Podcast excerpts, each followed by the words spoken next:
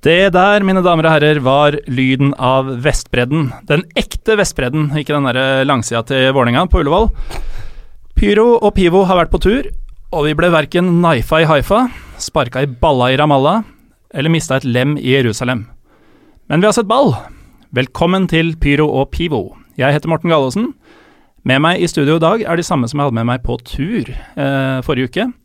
Og det er annet eh, deg, eh, Stefan Haugerud. Velkommen. Ja, god dag, god dag. Takk, takk.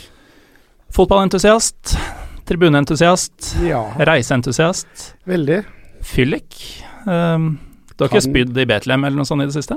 Ikke som jeg kan huske, men det kan hende at det har skjedd. Jeg kan bekrefte det. Uh, ja, ja da, da, da hører du. Hvor er det du har vært og sett ball uh, utenom nå den siste uka i uh, Israel og Palestina? Eh, hvor vi Utenom der. Ja, tidligere. Uh, ja, vi har jo vært sammen både i London, i Berlin og Istanbul. Ja. Og haugevis av ganger rundt om i Norge, så klart. Ja, for du er jo svoren fan av både breddefotball og det som fortsatt, i hvert fall i en sesong til, er uh, toppfotball i Norge. Ja, det stemmer. Jeg har, er veldig glad i alt fra øverste divisjon til eh, så langt du kommer ned, egentlig. Og hvilket lag er det som gjelder i øverste divisjon? Nei, det er jo så klart Lillestrøm. Det, noe annet hadde jo vært helt absurd. Og så er du vel relativt aktiv i eh, et av dine mange lokallag eh, i breddefotballen? Ja, jeg sitter jo i styret i FUVO i tredjedivisjon. Uh, eller den nye tredjedivisjon. De holdt seg jo der. eh, og jeg har jo også veldig mye Jeg er jo mye og ser uh, Årnes bl.a. i fjerdedivisjon. Nye fjerdedivisjon. Minst ett av disse lagene møter Lillestrøm om et par år, det er jeg ganske sikker Helt på. sikkert. Det, FUVO er jo ikke så mange år siden jeg møtte dem. Så nei, det, det har vært mye kamper siste åra. Eh, den andre stemmen dere har hørt, er min gode venn, eh, også fyllekompanjong og reisepartner gjennom flere år, Roy Sørum. Takk, Velkommen. takk. Shalom, shalom. Shalom, ja, det er for så vidt eh, et passende ord, for vi skal jo straks inn på det som vel må ha vært den mest spesielle turen vi har vært på. Men du har jo også vært med meg til både Tyrkia og Tyskland blant annet tidligere. Stemmer det, stemmer det. Vi har jo hatt uh, våre historier, vi også. Ja, det, det skal vi kanskje være stille om nå, men uh, hvordan vil du ranke den turen vi akkurat har vært på? Altså, når vi sitter her i studio, så er det litt over et døgn siden vi kom hjem. Jo, Eh, litt over et døgn siden vi kom hjem, og fortsatt har jeg ikke kofferten min. Nei, det stemmer det. Du ble most. Jeg ble most. Den er fortsatt i Istanbul. Ja, og det veit du fordi eh, de skranka på Gardermoen kunne fortelle nøyaktig når du skal få den tilbake. Jeg hadde ikke fått komme ut av taxfree-en engang før det blei eh, ropt ut over hele Gardermoen at eh, kofferten min sto igjen i Istanbul. Noe ikke jeg fikk med meg, som uh, Stefan fikk med seg. Og kunne bekrefte at ja, du må til skranka. For de som ikke kjenner oss så godt, så det at Stefan var den som fikk med seg noe først, det er eh, kanskje ikke eh, det vanligste å oppleve i den eh, gjengen her. Men eh, det var vel i det minste det eneste negative du opplevde på hjemturen? For du ble ikke utspurt og rævkjørt av israelske myndigheter Nei. før innsjekk? Nei, jeg uh, hadde jo akkurat blitt ferdig med mitt uh, verste flyplassopphold uh, noensinne på flyplassen i Israel, der jeg blei utspurt i huet og ræva i 20 minutter. eh, om hvor høy du var, blant annet. Uh, jeg vet ikke helt hvorfor jeg fikk det spørsmålet, men uh, det var blant annet spørsmålet. Uh, ja. Og så fikk du spørsmål om hva Stefan jobber med og sånn, men spørsmålet om hva i all verden vi gjorde i Ramallah og Betlehem og for så vidt i Jerusalem, det kom ikke. Ble ikke nevnt. Det er en utrolig merkelig opplevelse på flyplassen her. Jeg husker, Stefan, at vi to eh, gikk gjennom sånn lynrunde med hun søte dama i skranka, Ja, ja, ja. som stilte oss ca. fem spørsmål. eh, og så fikk vi bare stå og vente på at Roy skulle bli ferdig. Altså, Og- jeg, jeg må si at Roy gjorde en veldig bra jobb, siden vi slapp inne og gjennom på fem sekunder. Så var vi gjennom den sikkerhetskontrollen, mens eh, Roy jobba hardt for at vi skulle få en lett tur videre. Ja, for vi sto jo og svetta og så at Roy bare klødde seg i huet og gestikulerte og ble mer og mer frustrert, og det bare varte og varte, og så begynte vi å samkjøre historier og sånn, bare for sikkerhets skyld. Altså, Når vi endelig ble vinka bort, så Ja, altså det var jo når hun dama da spurte om Ja, Vi ser du har vært i Tyrkia, og blant annet du, da, som hadde sju stempel i passet ditt i Tyrkia. Jeg, jeg var jo litt nervøs, jeg må jo si det. Ja, for det fikk vi jo faktisk eh, beskjed om fra selveste Tor Christian Karlsen, sportsdirektør i Makabi Haifa, om at eh, vi som hadde vært i Tyrkia, vi måtte bare late som vi ikke kjente noen der. Fordi veien fra det vi opplevde, altså fem sekunder og lykke til videre, til å sitte naken på et kontor, den er visst ganske kort hvis du først begynner å grave deg ned. Det hørtes sånn ut fra flere kilder. Men uh, vi har nå vært i Israel, og noen vil si vi har vært i to land. Det er litt delte meninger om hva Palestina er, men vi har i hvert fall vært i Israel, og vi har vært på Vestbredden, som er palestinsk uh, selvstyrt uh, osv. Skal ikke grave oss altfor mye ned i det heller, men uh, vi har jo vært i et ganske sjukt land, eventuelt to, og et unikt land. På forhånd, hva var det vi trodde vi gikk til? Nei, altså jeg må jo si at uh, Israel og Palestina har vært uh, hovedsakelig ting man ser på nyhetene. Jeg hadde ikke store eh, egentlig forventninger. Jeg vil, visste ikke hva jeg skulle Jeg liksom har sett bilder fra Tel Aviv, jeg har sett bilder av Haifa, jeg har sett bilder av Vestbredden, jeg har sett bilder av, overalt. Og det er liksom Jeg visste ikke hva jeg skulle forvente av uh, egentlig hele turen. Det, det, var veldig vanskelig å sette Siden det virka som et veldig forskjellig om, De forskjellige områdene så veldig forskjellige ut, rett og slett. Ja, det var enorm forskjell på uh, levestandard, tilsynelatende, og også modernitet og sånn uh, på de to sidene av muren. Uh, Roy, hva, hva trodde du at Israel skulle være? Nei, som jeg alltid gjør, går jeg inn på yr.no, så sjekker jeg jo varmegrader. Uh, Håpa det skulle være litt varmere, noe det var. Uh, ja, enn her, ja. Ja, noe steder. Uh, sjekka hvor det lå. Jeg var litt spent på hvor skal jeg? ja, for du har vært mange steder, men du har ikke sett så mange kart? Nei, det, det har jeg ikke. Og når jeg da så at det lå på grensa til uh, Grensa til Syria, Jordan eh, Gazastripen på andre sida. Dette var nytt for deg? Ja, jeg visste jo noe av det, da. Uh, men uh, når jeg først sjekka det der, og billetten var bestilt, da, da kom det litt mer inn på meg hva, hva, hva, jeg hadde ja, blitt med på.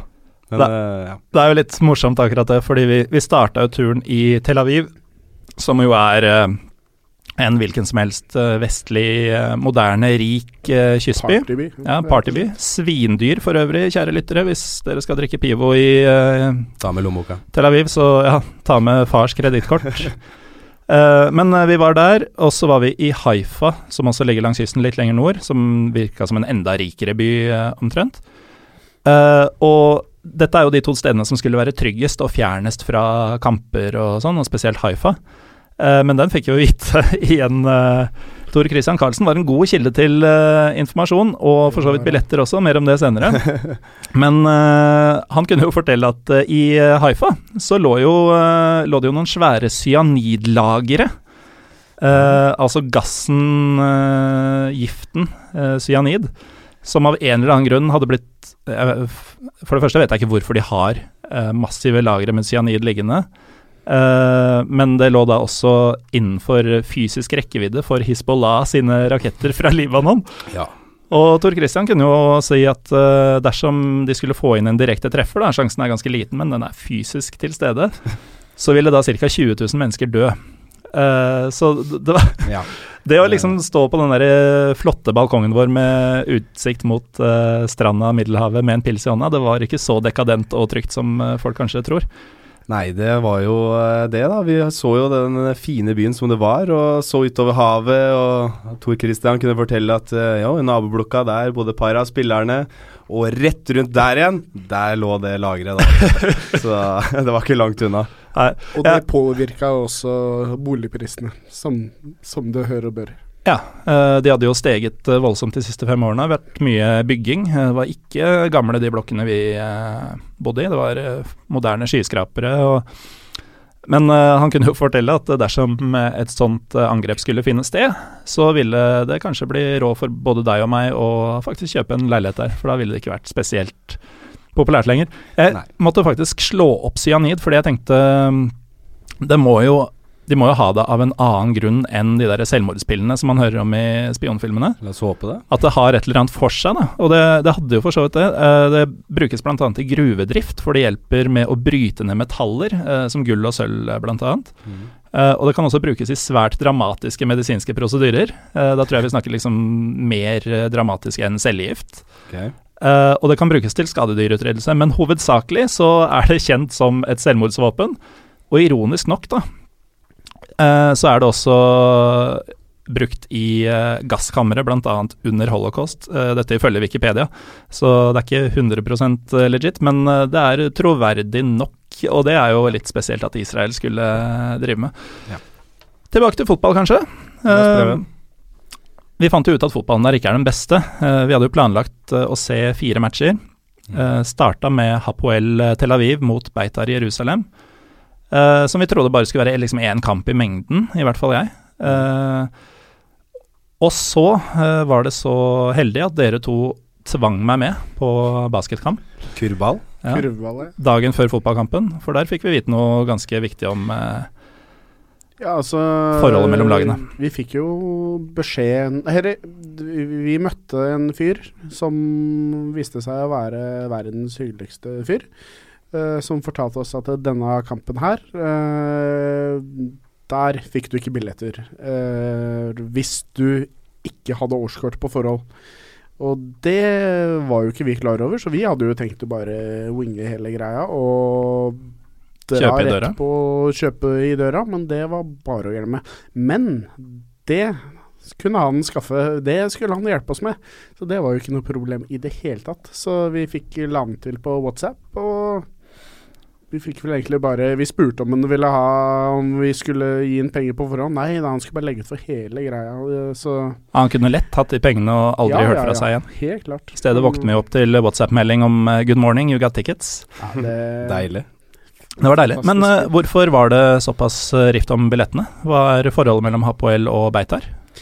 Nei, altså Hapoel er jo en type arbeiderklasseklubb i så stor grad at de faktisk har hammer og sigd i den røde og hvite logoen sin. Ja, med store bannere med 'Refugees are welcome', uh, som ikke helt er det den andre klubben står for. Nei, for Hva står eh, Beitar for, uh, Roy?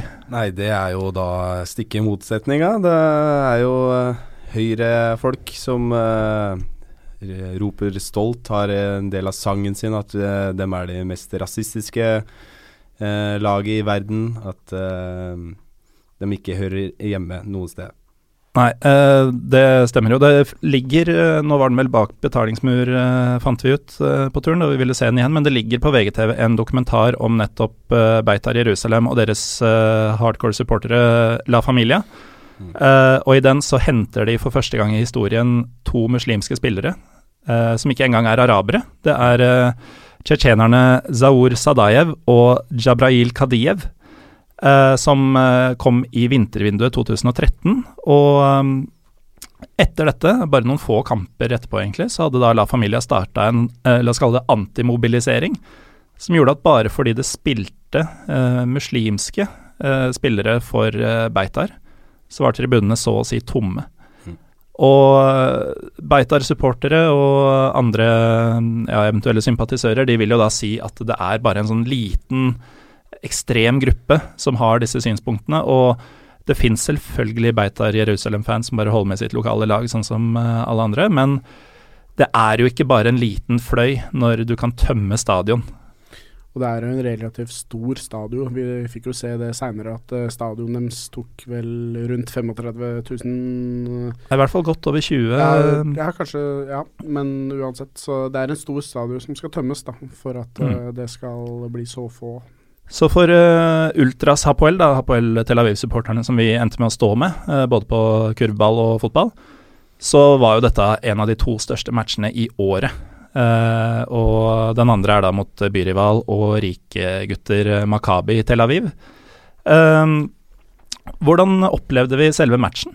Hapoel mot Beitar. Vi sto jo uh, blant noen av de mest ivrige. Nei, altså det, det som var litt rart, det var jo det at de fikk ikke lov til å spille på sin egen hjemmebane. Eller pga. oppussing. Mm. Så det var jo Vi måtte jo ut av byen, for det første, og se på en annen stadion. Og det var jo relativt bra trøkk i starten. Det starta i hvert fall veldig bra. Det fikk jo 1-0 ganske tidlig. Tre minutter? Etter tre minutter, ja. Og det blei jo også Stemninga gikk jo da etter det. Og så fikk jo Fikk jo det andre Hele Beitar fikk jo et rødt kort etter rundt Da var det rundt 60, var det? 30? Nei, Ja, det var i første omgang. Det var etter en halvtimes tid, give or take. Ja, så vi trodde jo da at uh, denne kampen bør være relativt uh, ferdig etter det. Men det viste seg jo, det var, ble jo ikke sånn. Ja, og det skal vi komme litt eh, inn på senere, dette med mentaliteten til spillere i den israelske ligaen. Der har, eh, har vi fått høre og egentlig sett eh, både det ene og det andre. Men Hapoel kollapsa jo, rett og slett. Rett og slett. Leder mot ti mann og har den medvinden, og så bare låser Beitar det fullstendig, skårer to mål og vinner 2-1. Um, hva med selve arrangementet? Eh, sikkerhetsmessig, var det noe å sette fingeren på? Roy, du som er eh, sikkerhetsmann. Ja, ja, det er jo yrket, en del av yrket. Så nei, det var jo eh, Der var det jo egentlig fritt fram. De gikk om hverandre, og dette skulle Eller det var jo høyrisikokamp. Merka på en måte Jeg husker spesielt når vi gikk ut av stadion etter kampen. Da var det jo en stor folkemengde som sto og uh, feira fra Beitar-fansen. Mens eh, Hapoel-fansen var på vei hjem og var skuffa, så klart. Eh, politiet sto og dirigerte trafikken, egentlig. Ja, absurd. Ja, merkelig. Og, og det etter at vi fikk jo rapporter i pausen om at uh, Hapoel-fansen hadde jo slåss inne under der vi sto, altså inne i kioskdelen og sånn av jeg. med politiet. Ja. Eh, så politiet visste jo at her er det ganske eksplosivt. Og så um, har du, jeg vet ikke hvor mange Beitar-fans som sto i den gjengen, det var nærmere 100? vel? Jeg, tror det kanskje var mer òg. Det var i Mm. hvert fall en stor gruppering som fikk stå akkurat hvor de ville, og gjøre egentlig akkurat hva de ville, uten at politiet brydde seg. Det var i hvert fall nok til at eh, jeg tok av meg det skjerfet jeg hadde kjøpt av Hapoel, og gjemte det inni jakka. Ja, det gikk godt under eh, jakka mi også, men eh, det ble jo selvfølgelig trefninger av dette her, da, og spørsmålet man må stille seg er et land som kan sikkerhet så godt som Israel. Hvorfor, eh, hvorfor sover de i timen her? Altså det, jeg, skjønner ikke hvor stort må gapet være mellom de som styrer landet og de som har med fotballarrangement å gjøre. Nei, det er ikke godt å si. Det, jeg forstår ikke hvordan de Det var jo også slåssing før vi kom, Mm. som også hadde skjedd. Vi var vel på stadion rundt en time før kamp. Etter en øl i bakgata. Ja, etter en øl i bak til å møte og få litt billetter og litt uh, forskjellig. Og måtte inn i en mørk bakgate for å møte noen folk. og Jeg var litt usikker akkurat da om vi skulle inn der, men ah, vi var ganske godtroende. ja. Kommer forbi en fyr og spør om vi ser etter, og så sa han et navn, men vi huska ikke engang hva han fyren het. Eh, og ikke var vi helt sikre på åssen han så ut heller. det var øh, ikke så enkelt, det der. Så inn, eh, inn i et smug og bak noen biler på en parkeringsplass, og der sto de jaggu og drakk og hadde billettene våre og skulle Ja. snakke om uh, Nåsa, blant annet. Ja, vi snakka om Nåsa. Han, jo, han har jo spilt for eh, begge Tel Aviv-klubbene, så det ble jo et tema. Mm. Men uh, nå som vi har blitt Facebook-venner med fyren, da, så vet vi at han heter Omri. Uh, at han går under uh, kallenavnet Lutti. eh, som da var det han eh, kompisen hans spurte om vi skulle møte. Jo, helt å si Lutti. Vi bare Ja, sikkert. Ja, sikkert det. Uh, men uh, vi må jo Vi kan jo ikke forlate Tel Aviv uten å ta for oss det at uh, Du har vært inne på det, Stefan, at uh, Hapoel anser seg som en arbeiderklasseklubb. Og Makabi er da rikingene i byen. Og da vi var der, så bodde vi jo i en Airbnb-leilighet som var flunka ny og helt top notch. Vi tenkte jo at eieren her har spenn, så da vi skulle sjekke ut dagen etter, så gjorde vi et sosialt eksperiment. Vi lot uh, Hapoel-billetten ligge på um, skattetollen, uh, der hvor han ville komme inn for å møte oss, for å se hva han sa. Og vi tenkte at dersom han uh, sier at han er Makabi, så, så stemmer det som Hapoel-gutta sier. Uh, Jossi som eier leiligheten, eh, Roy, hva var det han eh, sa han holdt med da han fikk se billetten vår? Makabi. Det var det. Så eh, da er eh, den eh, avgjort en gang for alle. yes. Makabi Tel Aviv er eh, rike, eh, rike gutter, og Hapoel eier ikke nåla i veggen. Nei. Så dro vi videre, da. Ja, Blant det. annet kryssa vi en grense og ramla inn i Ramallah. Ja, det er spesielt, kan man si. Vel he, alle de tre eh, klippa som vi spilte i introen her, er vel tatt opp i Snapchat i Ramallah, i gatene der. Mye lyder der. Det kan, vi, det kan vi være enige om. Mye folk. Mye folk, ja. Har dere noensinne følt dere mer populære på et utenlandsbesøk? Ja, Altså Nå veit jeg ikke om det var vi som var populære, eller om det var du som var populær. Da. Det, Det det er litt vanskelig å si, fordi at du var et Ja, at jeg tror ikke de hadde sett et vestlig menneske på 205 uh, i disse gatene før. Så det merka vi veldig godt. hvert Det var ikke så lett å ligge lavt. Nei, si det nei sånn. det, vi tusla rundt bare for å finne en øl, og det, bare det var jo et uh, prosjekt i seg sjøl.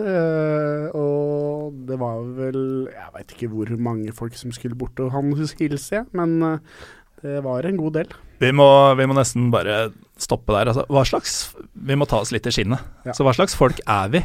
Vi reiser til Ramallah, altså en by med kanskje det hardeste navnet jeg har hørt. Eh, og årsaken til at vi er der, er at vi skal finne et sted og drikke en pils ute i byen Ramallah på Vestbredden. Bare Det for å ha gjort det. hele greia. Prosjektet. Vi fikk det til, da. Vi fikk Ja. det til uh, Måtte justere planen litt, men uh, fant en kiosk. Og hvor gikk verden videre, Roy? Nei, vi ehm, Det var jo ikke veldig lett å finne et sted å åpne den eh, pilsen her eh, som vi, vi skulle ligge litt lavt.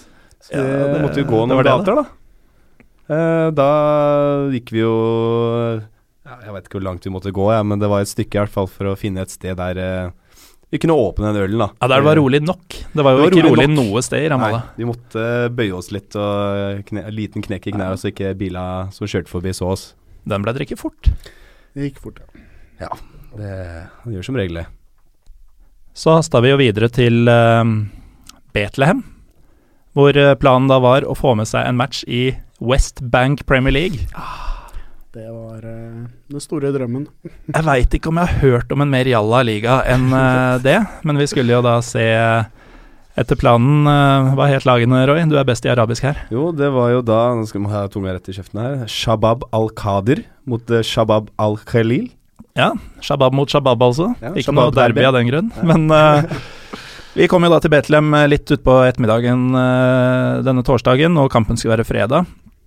Betlehem uh, Jeg trodde Ramallah skulle føles tøffere, men det var mørkt i Betlehem, altså. Ja, var, vi hadde noen historier der òg, så Det var jo egentlig et, Det var rundt kirka som Jesus ble født, som var der det var, var hopetall av amerikanske turister.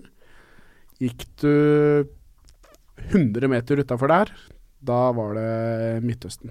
Ja, Og det gjorde jo vi. Vi trakk ja, jo rett klart. inn i første trange smug som vi fant. må jo det. Tenkte der kan det jo være matmarked. Ja, ja, så klart. Eh, og så begynte det å bli kveld, og vi skulle finne stedet hvor det iskalde bed and breakfast-stedet vi skulle bo. Og for å finne det, så måtte vi finne muren. Muren fant vi.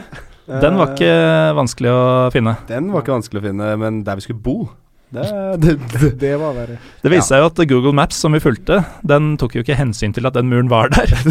så vi trodde jo bare vi skulle følge denne Hebron Road nordover, men det gikk jo ikke. Nei, der var det jo uh, rett i uh, murveggen, da. Ja. Ja. Bokstavelig talt. Ja, Seinere på kvelden skulle vi jo gå rett til veggen. Vi fant jo dette huset etter hvert, og det var jo bikkjekaldt i huset. Eh, Ja, jeg er forkjøla ennå, så det hadde mur på tre sider. Eh, noen steder så kunne du, altså på balkongen i huset, kunne du se over på andre sida av muren og rett inn i et kontrolltårn. mm. Etter å ha sjekka inn der og sett forholdene, så måtte vi jo bare ut og drikke. Og det Ja. var jo faktisk uh, på Vestbredden at uh, vi alle ble fullest i løpet av turen. Det også er kanskje litt overraskende med tanke på at Tel Aviv skal være en partyby, og ja, at vi bodde på hostell i Jerusalem. Uh, men hva, hva var det vi fikk i oss på det utestedet, Stefan? Om du klarer å erindre? Altså, jeg drakk jo for det meste palestinsk rødvin, så Mm. for meg så var det her en top notch eh, kveld. Uh, dere fikk jo i dere Jeg veit ikke hva det het. Men, Arak? Uh, Arak, Arak, ja. ja. Og det var jo Den reiv. Den den reiv. Var vel noe à la Raki, for de som kjente det. Mm. Og da den tyrkiske raken, som, eh, som ikke må forveksles med Balkans uh, rakia, eh, men som også ligner veldig på Ozo, som eh, vel de fleste sydenturister der ute har vært borti. Eh, men vi ble jo ganske dritings. Uh, Stefan, du spøy jo til og med. Du har faktisk spydd i Betlehem. Og du har skrytt av det. ja, ja. Må, måtte jo det. Uh, og vi gjorde dette utelukkende på arabiske eller palestinske varer. Det er jo noe å ta med seg videre. Ja, spesielt. Så våkner vi da, ikke altfor fyllesyke egentlig. Nei, Spiser frokost med eierne av huset, en familie som eh, heter Anastas. Og de kunne jo fortelle det ene og det andre. Altså kald dusj og kalde rom og fæl beliggenhet. Ja. Jeg vil si at totalen var helt verdt det, bare Ja. for å oppleve det. Det var verdt Bare det. frokosten var egentlig verdt hele oppholdet. Selv om når vi våkna i det kalde rommet og tenkte nå må vi i hvert fall få litt varme i kroppen og skulle ta en varm dusj, og så var det ikke varmt vann. Så det blei skrøpelig Ja, det er kattevask. Men uh, ja, kattevask, rett og slett. Eh, men eh, hun Claire, som hun heter, da, og mannen hennes, de satte seg ned og tok en kaffe med oss eh, over frokost, og fortalte bl.a. at hennes far Han bodde jo da i det bokstavelig talt første huset langs veien på andre siden av muren. Så da muren ble bygget, så hadde jo de rett og slett bare blitt separert fra far, og da barnebarna til faren, altså deres barn, eh, kunne jo kun se han dersom han kom over. Eh, de som bodde i dette huset og bor på den siden av eh, Vestbredden, har enten ikke, eller i veldig liten grad, eh, mulighet til å dra inn til israelsk side. Eh, så vi følte oss jo ganske skyldige, egentlig, da vi dagen etter skulle krysse muren, og det sto en haug med folk og skulle prøve å selge oss ting og sånt, og vi kunne bare Nei, skal over, ha det. Ses aldri. Ja, det var litt uh, spesielt, kan man si. Men det ble jo kampdag, da. Fredagen opprinner, og vi forlater huset etter frokost. trekker inn til Betlehem eh, sentrum. Finner wifi og en pils, og skal bare finne ut eh, veien til stadion. Hva finner vi heller ut? Nei, det var da vi fant ut at eh, denne kampen her gikk jo ikke. Det var jo det første. Vi, vi fant jo ut at denne var jo flytta til neste helg. Ja. Så vi Da begynte vi å stresse litt, fordi vi hadde jo veldig, veldig, veldig lyst til å få en kamp i Palestina. Veldig. Så, så vi fant egentlig ut en annen kamp som gikk i en annen by, men den gikk jo da om ca. to minutter. Så Ja, det var den skulle jo, gå i Hebron, den. Ja, en enda så- hardere by. Så Eh, det blei vanskelig. Å ja, vi hadde ikke tid til det. Men uh, klokka er jo uh, cirka Det nærmer seg ett på formiddagen, og vi begynner å sjekke terminlister. Hva er det vi fant da, Roy? Nei, da var det jo rett inn og sjekke hva som var i nærheten av, som vi kunne kanskje få med oss. Ehm, vi satt der med en uh, kald øl, det var jo greit. Uh, Mens bønnetårnet på andre sida av torget den- bråka. Den var høyt. Ja. Da, da, ja. Det- Cirka, jeg tror nærmere 1000 mann uh, sto jo ute på torget, for det var ikke plass i moskeen, eh, og ba. Og dette var 70 meter fra der vi satt og drakk. Ja. Det var en spesiell opplevelse, det òg. Veldig spesielt. Og, Men det var noe israelsk andredivisjon på gang, var det ikke det? Ja, andre div, vet du. Da, da fant vi da altså at det var Hapoel Jerusalem mot eh, Hapoel Petatikva. Ja. Spilte i Jerusalem. Eh, det var vel to timer til kampstart. To Ja. timer blank, tror Ja, jeg. tror jeg cirka det. ja. Så for å få den på banehoppelista, så tenkte vi det. Samme om vi kommer langt ut i andre omgang, eh, bare vi rekker litt fotball i Da dag. blir det kamp. Ja ja. Men eh, sjansen for å nå dette var vel ikke spesielt stor, tenkte vi. Nei, altså to timer. Vi skulle fra Betlehem og til Jerusalem. Vi skulle gjennom sikkerhetskontrollen, som ifølge alle kom til å bli hardt å komme seg gjennom. Så vi hadde jo egentlig ikke veldig mye tro på at vi skulle rekke det her i det hele tatt. Nei. Og en time seinere, Roy, hvor var vi da?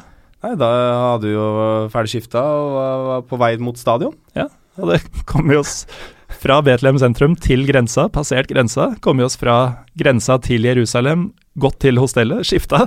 Alt dette i løpet av en time. Jeg tror faktisk eh, Stefan rakk å drite òg. Eh, Ja, det gjorde han. Ja, Det husker jeg, for han bare forsvant inn. Ja, så- var borte litt ekstra tid Ja, der. det tok noen minutter. Men Ja. vi hadde så god tid, så det Ja, vi hadde plutselig det. Det er digg med norsk pass, altså. Ja, det vi, vi, vi fikk vel ett spørsmål som jeg ikke klarte å svare på. og allikevel Ganske vesentlig òg. Jeg bare 'Hvor skal dere?' Og da uh, fikk jeg blackout. blackout. Og så ga vi fra oss eh, pass, og vi ga fra oss uh, Den der blå lappen man får i stedet for stempel. Gjestevisum-greiene, og rett igjennom. Enkelt og greit. Uh, men så kommer vi oss på denne for jævlige fotballkampen. da. Uh, vet ikke om det var verdt all hastinga. Jeg hadde heller dratt til Hebron, for å si det sånn. Ja. Men uh, de spilte jo på Teddy Stadium, som er et av de største i Israel. Det er hjemmebanen til Beitar. Uh, må vel anta at det er flere der til vanlig uh, når Beitar spiller, bortsett fra når de har tsjetsjenere på laget. Satser på. Altså, tror vi har 500 mann maks. Ja, maks, Tror det er å ta i? Jeg, Jeg tror det er ja, jeg tror kanskje det er å ta i. Ja. Hvis du tar supporterklikkene, så var det vel ca. 5 mot 40. Ja, noe sånt. Ikke noe mer enn det, tror jeg. Nei, og de eh, nøytrale, eller hva vi skal kalle det, de var ikke mer enn eh, 100, kanskje. Så nei. nei, det var trist, altså. Og det er noe av den dårligste fotballen jeg har sett. Det er vel Fuvo-nivå, Stefan? Ja, altså jeg vil jo da skryte opp uh, tredjedivisjonen i Norge og si at jeg tror faktisk tredjedivisjonen i Norge er bedre enn andredivisjonen i Israel, rett og slett. Og mye treige spillere der. Mye treigt. eh, det virka som mm, Ja, det var ikke mye løping og ball, ballpress, for å si det sånn. Det, Altså, begge laga, begge laga så vel ut sånn som Hapoel Tel Aviv gjorde da de skulle um, sikre matchen, og heller Ja. bare kollapsa helt. Det var jo ikke en mann som tok et løp. Det var jo pasning på eh, maks ti meter som blei eh, Det var ikke noe kompispasning som var utpå på den der eh, gressmatta der. Det var, Det var jo i Ja, det var jo lårhøyde Ja, det var jo utover sidelinja. Det var Det ene som oppsummerer alt, var vel det ene innlegget som var eh, Småka opp på Jeg veit ikke hvilken rad det var, det må ha vært veldig høyt. I hvert fall blant eh, Der det selvfølgelig ikke satt noen. Så ja. Ballgutten hadde mye å gjøre. gadd ikke å klatre opp dit. Altså. Det var dritvarmt òg den dagen. Ja, det var, det var solbrent. Ja, vi er litt rosa hele gjengen. Eh, I motsetning til de fleste lytterne, kanskje. Det er februar. Det er, eh, har vært en helt for jævlig tirsdag her i Oslo, i hvert fall. Vått, altså. Israel var ganske chill sånn sett. Altså. I hvert fall avslutninga. Var nøyt sola der, altså. Ja, for avslutninga, det var jo at vi etter matchen på fredagen, da selvfølgelig taktiske som vi er, så valgte vi å forlate én by og dra til en annen rett etter at sabbaten begynte. Ja. Uh, vi måtte jo da trikse og ordne litt for å få til det, men uh, seinere på kvelden havna vi da i den eh, lekre og rike havnebyen Haifa. Mm. Eh, leiligheten, altså Airbnb Jeg skjønner ikke at hoteller finnes lenger. Nei, det var tids. det var Det var tids. tits. Det Jeg var bra. tror det er lenge til jeg skal bo på et hotell igjen, rett og slett. Det her var eh, en klart en opplevelse som var verdt de pengene. Tiende etasje, svær balkong ut mot Middelhavet. Ja, Greit, altså. Det var greit å åpne en øl uh, utover der. Og så føler du Det er jo litt gangster, da, når du sitter på balkongen der med en morgenpils, drikker frokost, eh, og så får du melding fra sportsdirektøren i en av klubbes, klubbens, eh, nei, landets største klubber eh, om at eh, han er utafor om ti minutter med billettene våre. Har du lyst til å komme nå Ja. Lurte på om han ville komme opp for en øl, men han eh, skulle videre på jobb, selvfølgelig, Ja, for det var kampdag. Skifyr? Vi tar jo da heisen ned og hilser på uh, Tor Christian Karlsen, uh, som jeg har møtt et par ganger tidligere i podkastsammenheng.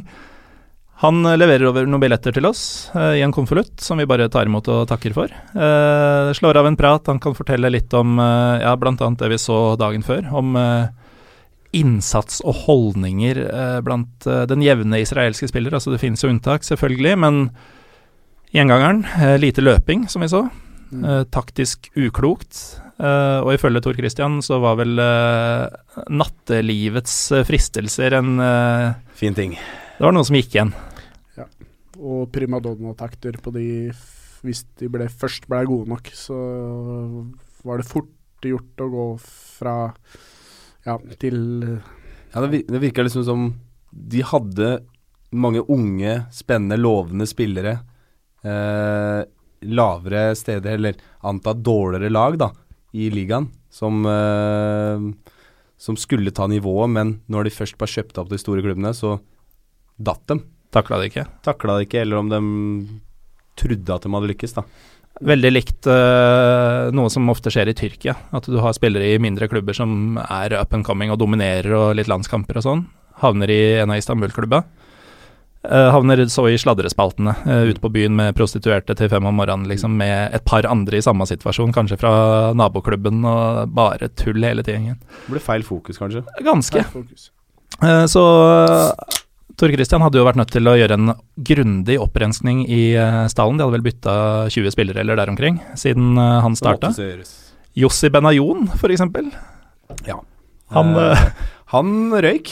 Han røyk. Han måtte bort, sammen med klekken sin. Ja, for han hadde jo en hel gjeng, han. Han hadde jo entourage i garderoben, sånn vi forsto det. Eh, Så det var jo en rydding der eh, som måtte bort, for å få inn nye spillere som skulle løpe for laget. Mm. Som kanskje skulle vise seg å være litt vanskeligere enn Men dette er jo veldig sånn eh, skal vi si, nordvesteuropeisk tankegang. At nå må vi renske opp mye, og så må vi gi det litt tid, og så blir dette bra. Det er ikke sikkert at uh, verken Tor Christian eller treneren eller uh, de spillerne som har kommet inn, får så veldig mye tid, for det var uh, Nei, det var ikke mange Det var et visst uh, negativt trøkk på det stadionet etter hvert, eh, men eh, før vi kommer på det Hvor uh, var det vi hadde fått billetter da, vi endelig kom opp i leiligheten og bare tok dem fram for å gå? Tok dem ut av leiligheten? Nei, av uh, konvolutten. Nei, det var jo på vippen, det, da. Det var jo på vippen, da. Det var fine oss billetter. som Ja. tribunemennesker det var jo der en litt annerledes uh, følelse. Så Er det noe eh, Ja, tror ikke jeg er vant til dette. Nei, Vi sto jo og skreik og hata sammen med Hapoel-fansen vi, bare noen dager i forveien, og nå spiste vi eh, fire retter før kampstart. Og ja, det, det var jo Litt kake i pausen, og- Pizza, kaker, og det var eh, gratis eh, brus og en- Ja, det var skuffende at det ikke var noe øl der. da. ja, eh, overraskende, var jeg. overraskende. Ikke noe. Wifi heller, så til og med Norge får det øl på vippen. Ja, til og med Norge. til og med. Det er litt overraskende at det ikke var det der. Men uh, nå hadde vi jo vært på to uh, fotballkamper med eh, Den ene hadde jo en viss sjarm, den andre var bare drit. Men vi fikk uansett se dårlig fotball ganger to, og to borteseiere. Så kommer vi til Makabi Haifa, her. en av de aller største klubbene i landet. Topp tre størrelse, vil jeg anslå. Mot uh, lille FC Ashdod, fra litt lenger ned på kysten. Ashdod. Her måtte vi da få hjemmeseier. Fire hjemmes nei, bortesupportører, Ja. cirka, gikk det. Åssen gikk Og den kampen, da? Nei en, Ett skudd på mål cirka til hjemmelaget, vel. Det var eh, Vi forsto godt hva Tor Christian, Tor Christian Karlsen eh, mente når han snakka om problemer med Ja, Ja, det og var, spesielt han stjernespilleren eh, som han hadde Ja. fortalt om, han på venstrekanten som likte å skjære inn med høyre. ja, det blei jo mye skjæring innover, men det skjedde jo liksom ikke så mye annet. da, Det var jo Ja, det var mye rart der, altså. Det var, Du så et uh, Makabi Haifa-lag som starta for så vidt bra, eller om det var FC Ashtod som la seg veldig nedpå med stor respekt i starten. Uh, men etter hvert som trodde jeg dem Eller trodde dem på at de faktisk hadde en sjanse til å slå det storlaget, da. Mm. Og da så du jo også at uh, Makabi Haifa Ble stressa? Uh, ble stressa og kanskje litt nervøse og alt de hadde gått igjennom, da. Altså, det er jo en eh, lignende type kollaps som det vi så i Hapoel eh, Beitar-kampen. Og man må jo rett og slett bare tenke at det mentale er ordentlig svakt i eh, noen av disse klubbene. Men eh, vi eh, så jo rett ned på Green Apes. Green altså, Apes. laget til Makabi, de var ganske bedrøvelige denne dagen, men uh, Ultrasgjengen bak mål Hva har vi å si, Stefan? Man of the match, det. er Helt klart. De holdt det gående fra før vi hadde spist ferdig pizzabitene våre, til eh, de bua laget sitt ut av stadion omtrent. Så Det. Ja, det var ikke bare dem. Det Nei, var jo både nei. fra VIP og fra sittetribuner og alt. Det var massivt. det var eh, en imponerende eh, prestasjon av eh, supporterne. Til sikkert et lag som er frustrerende å følge. Føltes veldig, altså vi er jo fugler hele gjengen. Det var veldig Åråsen 2016 det der. Vi kjente oss igjen i mye. Gjorde det. Dagen etter så skulle vi, hadde vi håpa på, å dra på en, eh, et oppgjør som er enda mer hatefullt enn eh, Hapoel Tel Aviv mot Beitar Jerusalem, nemlig Bnei Saknin mot eh, Beitar. Bnei Saknin, er den mest suksessrike arabisk-israelske klubben i landet. De gjør det veldig skerpt i en eh, liten by med små ressurser. Eh, fans og, hoved, og spillere er i hovedsak arabiske eller uh, av arabisk uh, herkomst, og de, er, de har bl.a. vennskap med Ultras Apoel, som vi stifta bekjentskap med, og Ultra St. Pauli. De er en del av Antifa-bevegelsen som, som favner deler av Europa og for så vidt verden. Beitar, som vi har vært inne på, det stikk motsatte. Dette er et oppgjør som faktisk Ultras Apoel-gutta fraråda oss å dra på. Man kunne ikke finne på å dra dit. Nei, vi måtte Dette ikke var det. krig. Uh, som han sa, 'Remember, not all Israelis are nice'.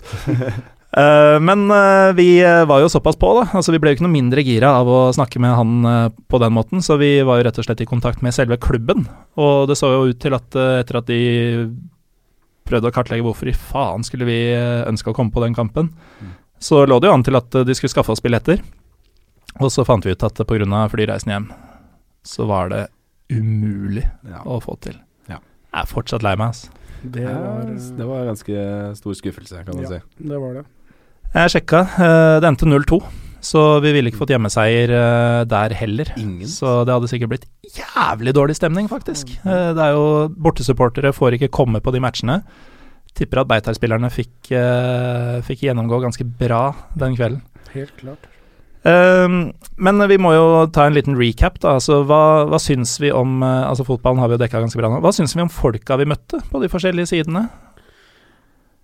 Jeg syns folkene var uh, sannsynligvis som overalt ellers uh, veldig forskjellig. Eh, de fleste vi møtte, syns jeg var veldig positive.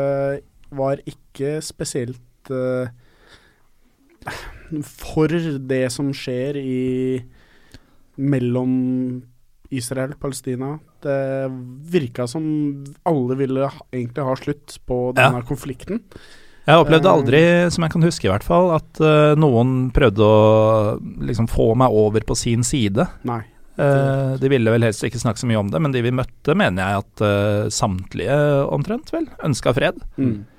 Eh, Roy, vi var jo dritpopulære, i hvert fall noen av oss, eh, på Vestbredden. Uh, Merka du Ja. noen forskjell på araberne og israelerne? Når vi da var vel, Det var vel da vi eh, spaserte rundt på Yasser Arafat Square. Eh, Ja, Martyr Yasser Arafat Square, ja. faktisk, Ja, som det sto på Google Maps. ja. Da gikk rundt der og fortsatt uh, leita etter øl. Mm.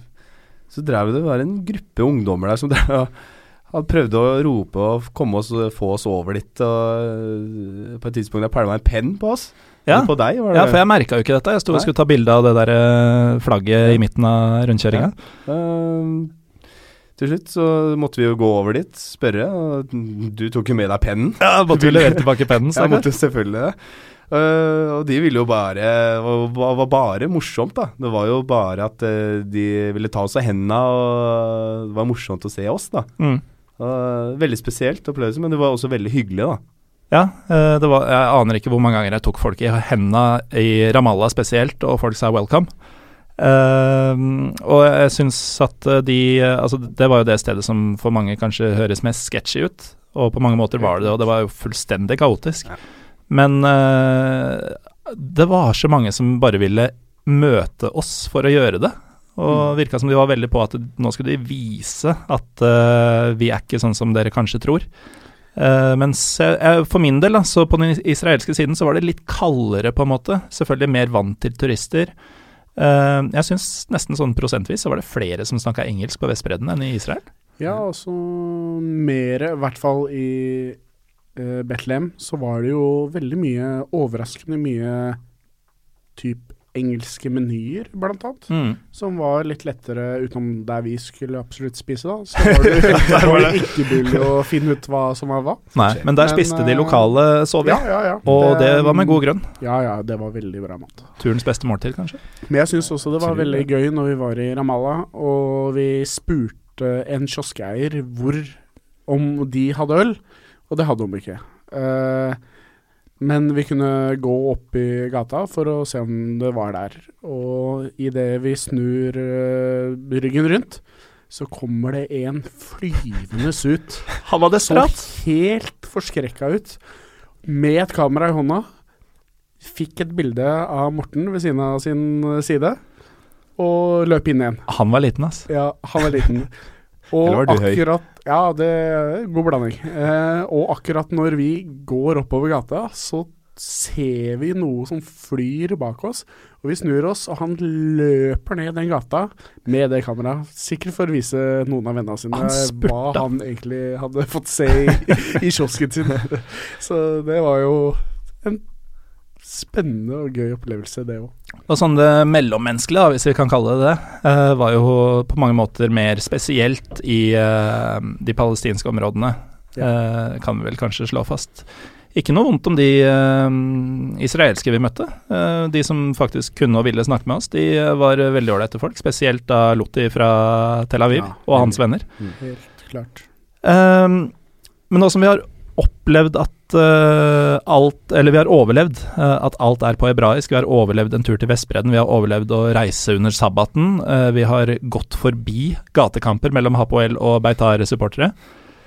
Syns vi andre burde prøve en sånn tur? Anbefaler vi det? Ja, Jeg syns det. Fordi fordi jeg synes at det er to spennende land, eller hvis det er land, eller Vi kaller det det det for er en annen diskusjon.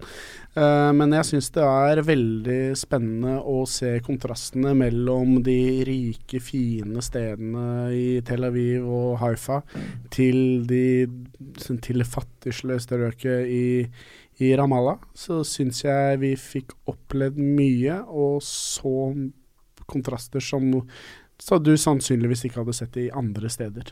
Så jeg syns det er helt klart et sted Utenom at uh, kanskje pri, prisene var uh, mye stive. Stive, i hvert fall i de Tel Aviv. Så var det Vi fikk oss en ordentlig oppekvikker første dagen, da jeg trodde at uh, det her kommer til å bli dyrt. Det blei jo det, men uansett. Det, det var i hvert fall der det var verst. Ja, uh, jeg er ikke sikker på om de andre byene var noe særlig billigere. Jeg tror vi bare ble vant til Ja, det. Uh, men uh, altså, vi kunne betale 17 shekel for en falafel i Tel Aviv. Det er nærmere 40 kroner. Samme rett i Ramallah kosta 5, altså 11 kroner. Mm. Så den forskjellen er stor på, på grensene, men i, mellom de israelske byene så er det nok marginalt. Det er dyrt uansett, folkens. Så skal dere til Israel, så planlegg Spar opp penger. Planlegg eh, pengebruken i forkant. Ta med mer enn dere tror dere trenger, og så låner dere resten av far fare når dere går tom. Um, Roy, du følte du deg noen gang redd? Redd? Eller Nei, usikker? eh, Utrygg? Kan ikke akkurat si det. Eh, Det var liksom litt nervøse stemninger når vi gikk rundt der med Hapoel-fansen mot Beitar-fansen som eh, var litt fiendtlig stemning, sånne ting. Men var ordentlig aldri redd, altså. Det var jo eh, Det var ålreit å være der. Det var en fin opplevelse. Det, det er det jeg sitter igjen med. Jeg sitter ikke igjen med at jeg har vært redd på turen. Det er vel ganske illustrerende for hvordan vi har opplevd dette. At, eh, for det var det jeg tenkte også. Eh, der jeg følte meg mest utrygg, det var jo faktisk utafor stadion etter matchen i, eh, mellom Hapoel og Beitar. I, eller det var riktignok i en annen by, siden de hadde stadion under oppussing, men i en vestlig eh, middelhavsby. Uh, og dette, vi har jo vært i det som mer eller mindre de siste, ja, så lenge vi kan huske, har vært en aktiv krigssone. Mm. Og den eneste gangen vi følte oss litt utrygge, var eh, etter en fotballkamp i den tryggeste delen av landet. Mm. Rett og slett.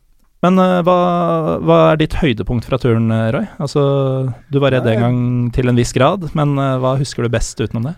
Nei, jeg, jeg overlevde både det ene og det andre. Jeg spiste jo bl.a. blant annet shashuka, Ja, som jeg ikke trodde jeg skulle overleve. For Nei, det var jo du- bare tomat, nesten. ja du er ganske redd for mange grønnsaker, du. Ja, jeg er jo det. De som kanskje kjenner meg, de veit at tomat ikke er eh, det mest populære. Løk er det ganske mye av også i en slags Ja, det var så mye løk der. det Men det- det var utrolig Det var det, digg. du bare merka den ikke. Og jeg, jeg overlevde shashuka. Ja. Det det er litt av en opplevelse, bare det. ja, det er da du føler du har levd. Ja, Du har spist en tomatbasert frokost og uten å daue. Um, før vi avslutter, uh, vi har jo nå vært både her og der uh, sammen, og hver for, hver for oss. Hvor uh, ønsker dere å dra neste gang? Altså, Har dere et sjukt prosjekt eller et drømmeprosjekt eller noe sånt på gang?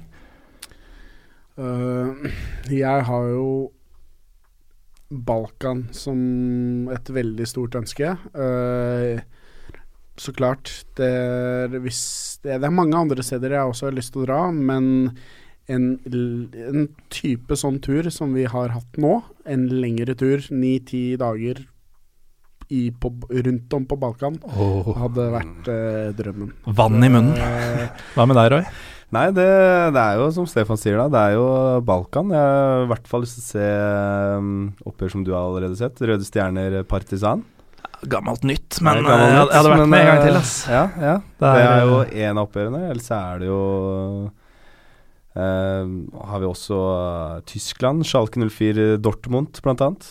Kunne oppleves. Pen, det nå. Mm. Um, vi vurderer å lage en eh, revirderby, altså Schalke Dortmund-spesial uh, utover våren en gang. Uh, dere lyttere, hvis uh, dere kunne tenke dere noe sånt, så si gjerne fra i sosiale medier. Eller, enda bedre, i en rating på iTunes.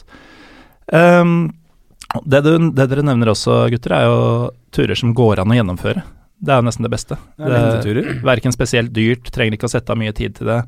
eh, og um, praktisk sett ikke spesielt vanskelig. Mm. Da tror jeg vi er ferdig med Israel og Palestina-reisereferatet vårt. Mm. Eh, takk Stefan Haugerud og Roy Sørum for at dere kom. Jo, jeg må, jeg må nesten være her, skal det bli noe på. Ja, ja. Eh, jeg heter Morten Galaasen. Vi er Pyro Pivopod på Twitter og Instagram. Shalom alachem. Shalom.